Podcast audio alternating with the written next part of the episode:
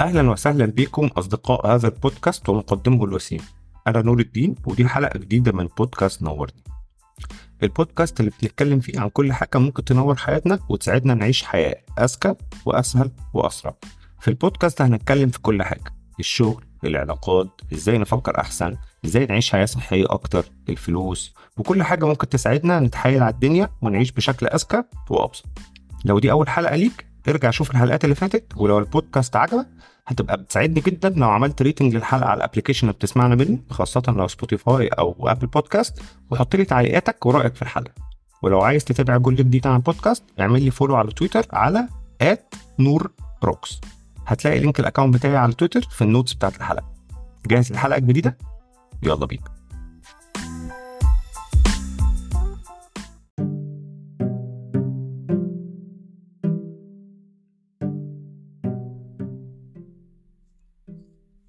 الحكاية زي ما قلنا بتسمح لنا نفهم مكاننا في العالم ونفهم التجربة الإنسانية بشكل أعمق. والقصص وفكرة power of storytelling وفكرة ال hero's journey تم استخدامها كتير جدا في الأدب وفي السينما. واتبنت أو اتحكت قصص أو حكايات كتير بناء على فكرة أصلا رحلة البطل. يعني مش الموضوع بالعكس هم حكوا القصة ولقوها ملائمة لقصة البطل لا هم استخدموا ال framework بتاع قصة البطل عشان يحكوا حكاية. على سبيل المثال The Matrix اللي بيحكي قصة Neo اللي اكتشف إن العالم مش حقيقي وإن هو simulation وانطلق في رحلة لمحاولة تحرير الإنسانية من سيطرة ال artificial intelligence القصة دي بتلمس مجموعة مختلفة من الثيمات ال self discovery البحث عن المعنى والهدف التمرد على العالم ودي تيمة موجودة عند أي teenager يعني وبتسمح أو بت بت بت inspire أصلا إن إحنا نفكر في طبيعة ال ال ال العالم الحقيقي ومكاننا فيه. قصة تانية زي Star Wars اللي هي مبنية بشكل رئيسي على قصة البطل هي قصة مجموعة من المتمردين اللي بيحاربوا evil empire بتمثل التيمات مشهورة زي الصداقة والخير versus الشر والأمل وال persistence وال determination وأخيرا قصتي المفضلة أو يعني مش المفضلة بس أحد القصص المفضلة إلى قلبي وهي قصة الخيميائي أو The Alchemist بتاع باولو كويلو وهي تقريبا حاجة وحيدة اللي بحبها لباولو كويلو اللي هي قصة سانتياغو راعي الغنم اللي بينطلق في رحلة للبحث عن اسطورته الذاتية والهدف أو يعني والكنز اللي المفترض بيوصل له وبتناقش أو بت بتتكلم في أهمية إنك تمشي ورا حلمك بلا بلا بلا. والقصص دي كلها بتعلمنا إزاي نفهم العالم وإزاي نفهم نفسنا وإزاي نمشي ورا أحلامنا وطموحاتنا في الحياة. إزاي بقى نهارنس أو يعني نكتسب أو نستخدم قوة ال storytelling دي. ال storytelling زي ما قلنا هو طريقة مهمة لفهم العالم. ونقدر نفهم ونكتشف. يعني لو أنت عايز تفهم أي ثقافة أو أي traditions أو أي أشخاص حاول تفهم تعرف القصص بتاعتهم وتفهمها. وهو ده اللي هيديك sense بالعالم ومكانك فيه. for example مثلا uh, ممكن جدا تستخدم القصص في حكي حكايتك أنت.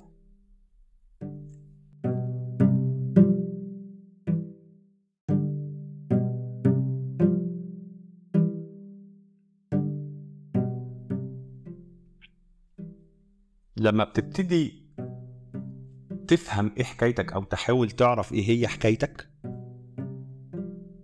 بتبدأ طريقك لل personal growth وال self discovery وسماع حكايات الناس بيسمح لك إنك ترتبط بيهم وتبني علاقات أقوى وأعمق. مش بس كده استخدام الحكاية في محاولة إيصال رسائلك السياسية وال change وال social justice هي اللي بتساعد الناس برضو على الحركة والتغيير. فإيه هي بعض الأشياء اللي أنت ممكن تعملها عشان تستخدم الحكاية كاستراتيجية لفهم النفس والنمو؟ حاول تفهم قصتك.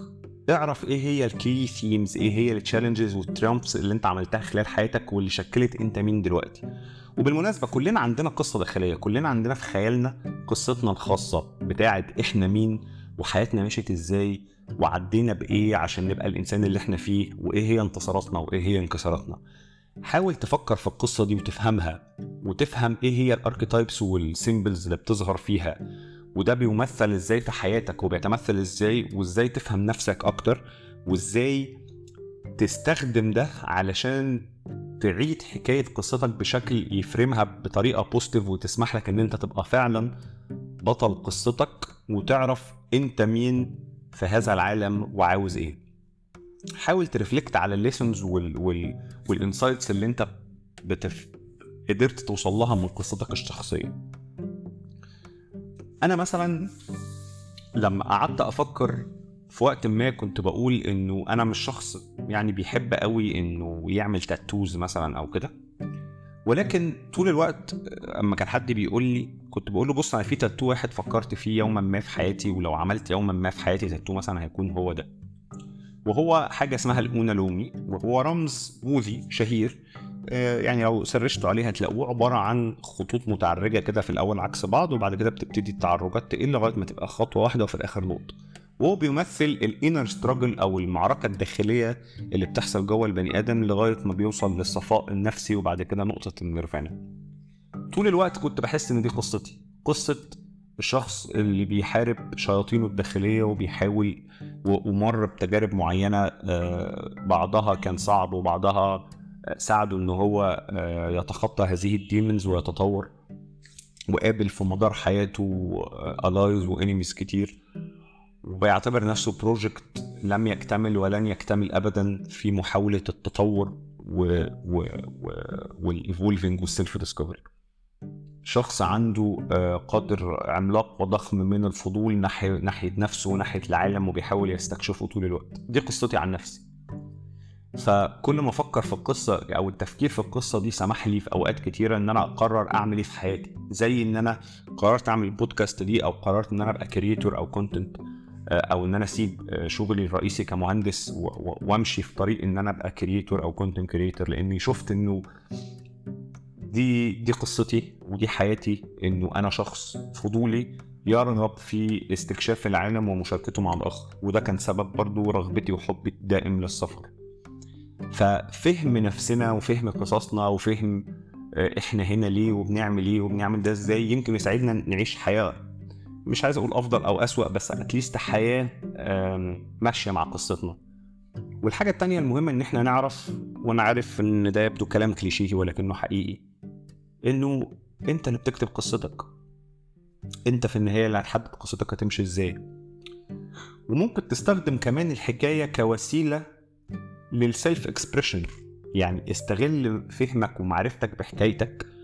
لأنك لو أنت يعني عندك هذه الميول الفنية إنك ت create فن أو مزيكا أو حكاية inspired بقصتك الشخصية. وأظن لو دورنا أو قرينا في أجمل ال ال القصص الأدبية أو الأعمال الفنية هنلاقيها دايما هي اللي خرجت من من قصص ذاتية أو من فهم لصراعات داخلية أو أو أو رحلة شخصية. وأغرب ال... وأغلب المخرجين الكبار مثلا لو سألتهم هتلاقيهم بيقولوا لك إن أنا ما بعملش الأفلام دي للناس أنا بعمل الأفلام دي لنفسي لأن أنا ما كنتش أقدر ما أعملش الأفلام دي لأن هي في النهاية حاجة بتزقه لأنه express himself ويحكي قصته بالوسيلة اللي هو يعرفها اللي هي مثلا صناعة الأفلام. وأخيرا أو مش وأخيرا يعني ولا حاجة بس استخدم الحكاية في إنك تبني علاقات ما بينك وما بين الناس. شارك قصصك وحاول آه، آه، تجمع الناس حواليها لأن القصة الذاتية هي قصة عامة. في النهاية قصتك ما هياش الوحيدة وفي ناس كتير شبهك. وافهم إن الناس ليها قصصها. و و و embrace فكرة ال pattern وإن كلنا واحد. لأن هو ده اللي هيسمح لك تعيش كإنسان آه، جزء من كل مش وحيد فرداني لوحده. و يعني أحب أنهي ال- ال- الحلقة بأن أنا أفكركم تاني بقوة الحكاية وبتأثيرها علينا كبشر. وبأني أشجعكم تقروا أكتر في القصة و وت... و... و... وت share حكايتك زي ما أنا بحاول أ share حكايتي معاكم علشان تفهم نفسك وتفهم العالم حواليك أكتر. و يا ريت ت share وا الحكايات دي في ال comments أو أو على ال social media أو معايا بشكل أو بآخر. أه... share حكايتك مع الناس اللي حواليك. اعمل بلوج اعمل جورنال اكتب حتى لنفسك. خليك يعني استخدم الحكاية كوسيلة لإحداث فرق حقيقي في المجتمع اللي انت عايش فيه وده اللي أنا بحاول أعمله لما بحكي مثلا حكايتي المرتبطة بالاكتئاب. بفكر دايما إنه يمكن يمكن الحكايات دي تحسس شخص ما إنه مش لوحده اللي بيعاني من ده و... و... وأقدر أساعده إنه يتخطاه بشكل أو بآخر. زي ما في غيري آه عمل دوت وساعدني إن أنا أتخطاه. آه اتكلموا واحكوا واستخدموا الحكاية عشان تفهموا العالم وتفهموا نفسكم. وبصوا على ال show notes هحط لكم لينكات ظريفة كتير آه متعلقة بهذا ال topic الجميل. و يعني أتمنى ليكوا آه سنة جديدة فيها تحكوا فيها حكاياتكم و... وتبنوا حكايات جديدة. والحلقة دي يمكن أكتر يعني حلقة قريبة إلى قلبي ولكن في نفس الوقت حاسس إنها كان فيها قدر من العشوائية. فاتمنى إن هي تكونوا طلعتوا منها بحاجة في النهاية. آه هي كانت حاسس مجموعة من الأفكار الغير مترابطة حوالين شيء أنا بحبه. أه وكل سنة وأنتم طيبين.